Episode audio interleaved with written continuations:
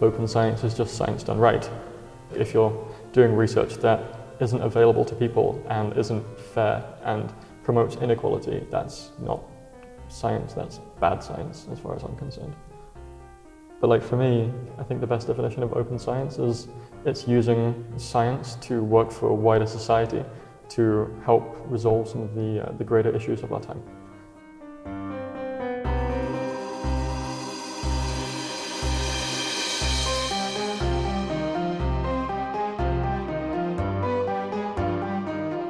Welcome to the podcast of Curie, an online web magazine about research politics by the Swedish Research Council. My name is Nathalie von der Leer, and in this episode I have met John Tennant. Since finishing his PhD in paleontology at the Imperial College in London, he has moved about in the world as an independent scientist promoting open science. Amongst other things, he is developing an open science massive online course and has founded an open archive for paleontology research. He is also not afraid to pick a fight with the big scientific publishing companies who, according to him, prefer to lock up science behind paywalls. We will hear more about this later on in this episode. Would you like to introduce yourself? Uh, my name is John, and I'm a, a, rogue paleontologist or an independent paleontologist. Um, and as well as that, I work a lot um, as an independent consultant and communicator in various aspects of open scholarly communication. I finished my PhD uh, at Imperial College um, more than a year and a half ago now. But, you know, at the moment, I'm mostly doing non-paleontology stuff and in my spare time still finding a little bit of time just to chip away at the, the old research there. So you're really into open science, mm-hmm. and where does that come from? So there are, I guess, two sort of elements to this. So it depends on what we mean by open science to begin with. Like, let's start with that. Yeah. Let's start with the definition of open science because a lot of people, that's also one of the things, at least in Sweden, people talk about it a mm, lot. Yeah. But I'm not sure that everybody means the same. So, what is open science? There are many different ways of looking at it. Like a lot of people will say that open science is um, a series of practices. So, for example, open access and open data and open evaluation and all of these sorts of things. Others will say it's based on principles like equality and um, fairness and you know, justice and rigor and transparency and all of these things. Others will come up with different definition that you know open science, if it comprises these this combination of practice and principles, actually doesn't really exist and it's just good science. So a slogan of mine is open science is just science done right because that is what it is. Like if you're doing research that isn't available to people and isn't fair and promotes inequality, that's not science, that's bad science as far as I'm concerned. But like for me, like I think the best definition of open science is it's using science to work for a wider society to help resolve some of the, uh, the greater issues of our time.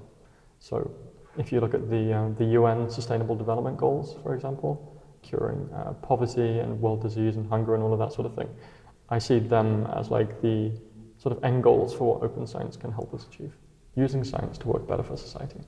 That's how it aligns with sort of like, I guess, who I am as a human. So my own personal principles are strongly embedded in things like fairness and justice, truth, equality, and these things. And I try and like live my everyday life by this. So open science really for me is just like a natural extension of that. And I first found out about it about eight years ago now, I think it is, seven or eight years ago now. And um, like most English stories, it started in a pub. It was, uh, I was having a chat with a guy called Ross Mounce, and he was a, a paleontologist at the time now, and now works for uh, the Arcadia Fund. And we were talking about just research and things, and I told him that I wanted to publish my master's thesis. And he said, Well, are you going to make sure that it's open access? And I was like, Well, what the hell is open access? And he's like, Well, it's where you make your research paper available to everyone. And I was like, but isn't that the case anyway? And he was like, no, sit down, let me tell you about how bad the system is. And he basically just told me about all of these inequities in the system, like how badly publishers abuse uh, researchers and librarians, um, how the funding system is out of whack, how the evaluation system is crazy. And you know, it all just came together. And I was like, why, why is the system the way it is? And I saw open science as part of a way of trying to just make a better academic environment and making science work better, helping people to do better research. One part of open science is open access, meaning that scientific publications are accessible to everybody online. The way it works traditionally is that you write and submit a manuscript, which is then peer reviewed. If the manuscript gets accepted for publication, you and everybody else only can read it by paying for a subscription. It's absolutely bonkers. So, um, you know, you have a system where researchers are funded often by public uh, or taxpayer money, and they can't even access their own research themselves. You know, the reason for it is because we essentially have profit-hungry corporations who, in essence, steal copyright from researchers in a very unethical manner uh, in exchange for that researcher being able to put a line on their CV that they've published a particular title. And then the system repeats itself.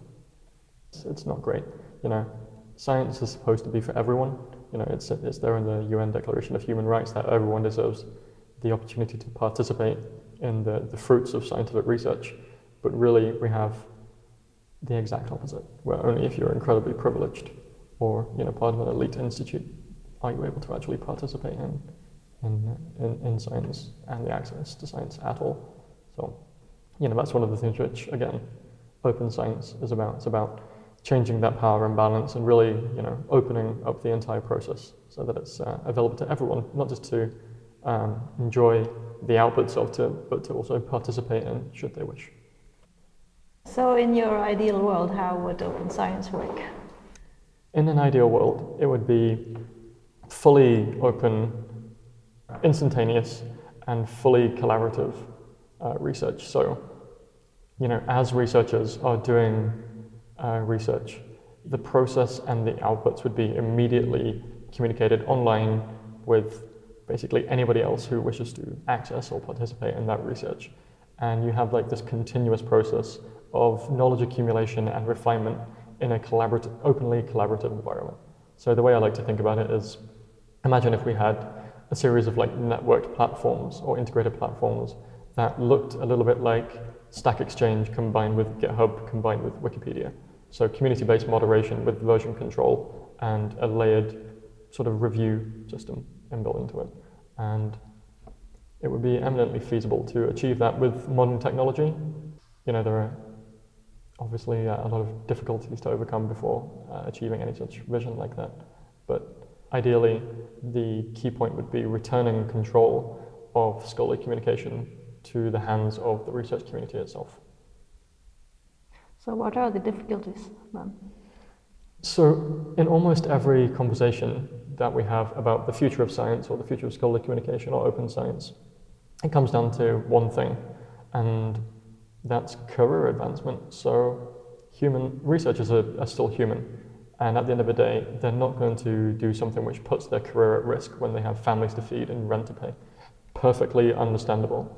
Um, the current system is often based on very strange evaluation criteria, more based around where a researcher publishes rather than what they've published. So, defaulting to things like the journal impact factor or uh, the brand or rank of a journal compared to with the actual intrinsic quality of that research.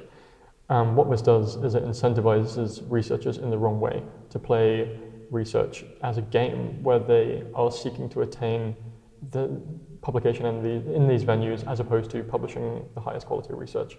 So there's a mismatch there. Open science seems to um, bridge that divide by rewarding researchers for the intrinsic merit of their work and not defaulting to these non scientific criteria of evaluation. But that is the main thing stopping people. The current incentive system is not geared towards openness, it's geared towards basically giving in to brands owned by these corporate publishers. And it's pretty bad, but sort of like expected again because of like this neoliberalization that we've had of uh, universities and academia over the last 40, 50 years, where everything has to be measured and quantified as an output universities now are not really the same as they were 50 years ago. It's more just like a you feed humans in and you get numbers out, and research suffers as a result. The National Library of Sweden negotiates license agreements for electronic information resources, such as openly accessible scientific publications. This on behalf of the Swedish universities, university colleges, governmental agencies, and research institutes. 85 different organizations participate in at least one of the agreements. This is called the Bibsam Consortium. Recently, Bibsam cancelled the subscription to magazines from Elsevier, one of the largest scientific publication companies. Curie has a written article on this subject, which is available online. Elsevier is also one of the subcontractors of a project from the European Consortium, which is monitoring trends and drivers of open science. Just before meeting John Tennant, I found out that he had questioned Elsevier's role in this project in an opinion piece in The Guardian. According to him, putting future policy development in the hands of Elsevier is completely wrong. And it's just like this cycle of bizarre conflicts of interest. You know, an analogy about it was it's like having McDonald's monitoring the future of nutrition and healthy eating around the world, and then that feeding into policy, and then, oh, shock horror, it turns out that it's okay for you to eat three or four cheeseburgers every week or something. It's just, you know, you don't put them in that position irrespective of what the outcome is because the conflict of interest is just so glaring. Um, so I wrote this opinion piece to highlight how crazy it was, and it went a little bit viral and caught the attention of Elsevier, and they weren't happy. And they were making statements like, you know, this is misleading, misinformation, fake news, false lies. And that was by far not the end of the story. Both Elsevier and the president of the Lisbon Council, which is in charge of the consortium, wrote responses to John Tennant's opinion piece, accusing him for providing misleading information and defending Elsevier's role in monitoring open science. Meanwhile, he got plenty of support from the scientific community, and more than 1,000 scientists joined him in an official complaint to the EU Ombudsman. It's been very strange. Like, I didn't see a single person online supporting anything which Elsevier or the Lisbon Council have done. But I saw thousands of people rising up against them. And the community has been pretty strong about this. Like, I received dozens of messages of support so, what do you think this whole experience now, this whole story, mm-hmm. can tell us about the future of open science? I'm a, I'm a little bit torn. So, from the research community, I see so many fantastic initiatives from, you know, so many brilliant people, and they are enthusiastic and driven and committed to, you know, the, these principles and practices of open science. But at the same time, you know, we see things like Elsevier moving into the space at a very powerful high level position, saying that they, you know, they support open science and they can just say it. They don't need to defend it or justify it. You know, they can just say, we're a force for open science. And then people can go, well, no, you're not. And be like, yes, we are. And then there'll be a fight about it and no one looks good.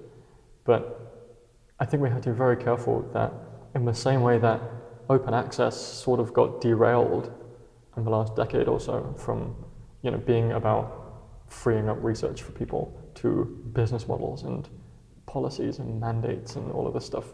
I think we have to be really careful that we don't let these organizations come in and essentially corrupt or redefine open science as a business model because we don't want that. And that is inevitably bad for the future of research. So, thinking about your own work and your own research, and um, how important is uh, open science for your work? it, it is my work.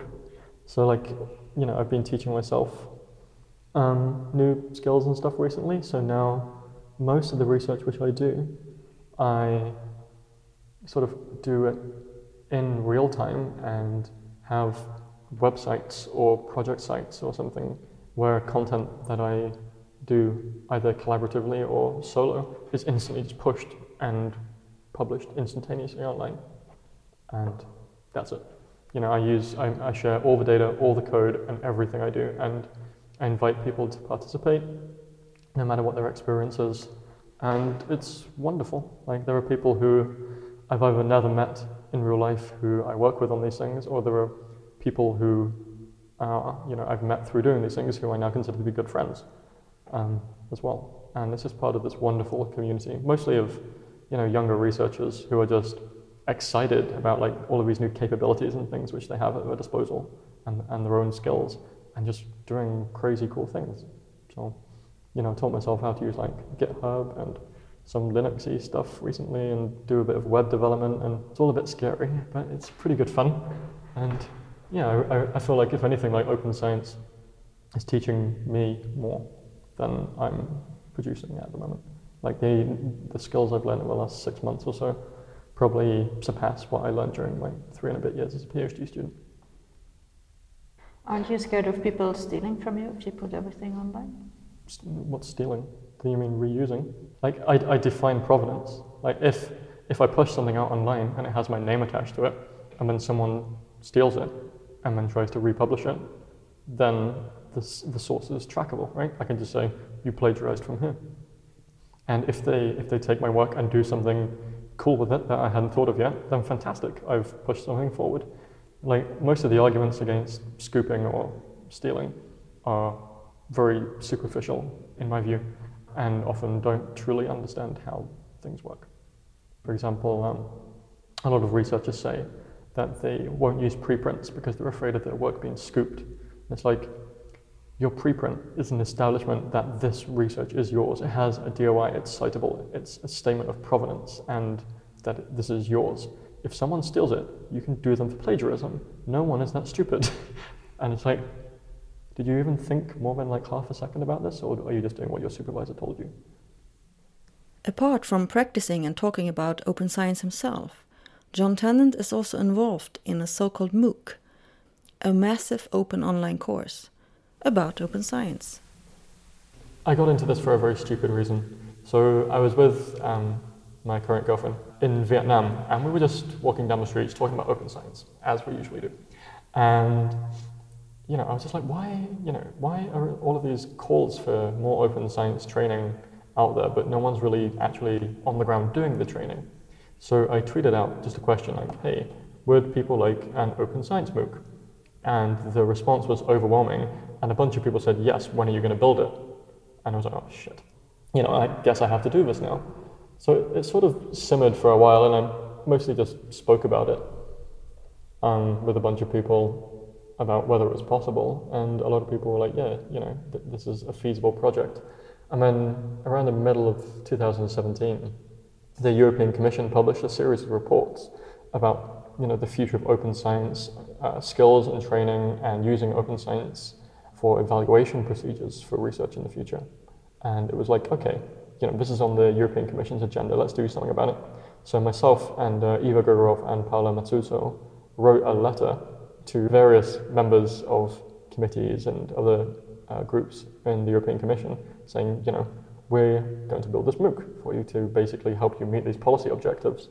And it got the attention of quite a few people. And they were like, okay, go for it. So for about six, seven months after that, it was mostly planning and communications and trying to get the stuff built up. I formed a steering committee to basically help me out as an individual, and hundreds of people reached out to see how they can help. And all of this without any funding up until very recently. Yeah, and basically built the, the framework for building uh, or designing 10 modules like open data, open access, open evaluation, citizen science, public engagement with science, all as independent modules of a MOOC, which we would uh, eventually run through uh, a platform like Open edX. A couple of weeks ago, we finished the first module on open source software, and it's available now for testing and feedback. It's all happening online, of course, and anyone can, can participate. And yeah, I'm off to, uh, to Bali like next week, and I'm going to spend two months in solitude over there, basically hacking away at the remaining nine modules. And hopefully by the end of the year, you know, we'll have this online training course for open science that anybody can participate in for free, and hopefully, you know, help to uh, through education help to resolve some of these issues that we've talked about today. There are lots of possibilities, but also challenges for open science. John Tennant is altogether positive about the future. Sometimes all of this can come off like really doomy and gloomy. And you know, I know a lot of people in this field are feeling very uh, pressurized and very constrained, and they feel like progress isn't happening fast enough or in the direction that they want. And I guess all I can say is like there are a lot of gears constantly shifting, and there's a lot of really great stuff happening out there. So be patient, stay positive. The future will be open. You can be part of it. Don't resist it. Um, be brave, and yeah, find find your voice and you know stand up for what you believe in. And you know if you believe in equality, justice, and all of these other things like freedom and transparency in research, then you're already an open scientist. So go out there and wear it on your sleeve.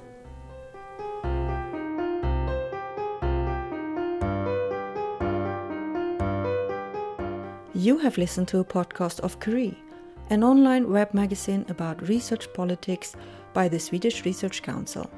My name is Nathalie von der Leer, and I would like to thank John Tennant for this interview.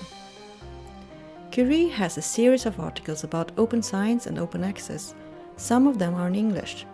Visit our website tidningencurie.se to read more. For an update of John Tennant's ongoing debate with Elsevier, visit his blog, which is called Green Tea and Velociraptors. Did you like this episode? Please share it with your friends and colleagues. This podcast is available on SoundCloud, iTunes, Spotify, Acast, and most podcast apps. Thank you for listening.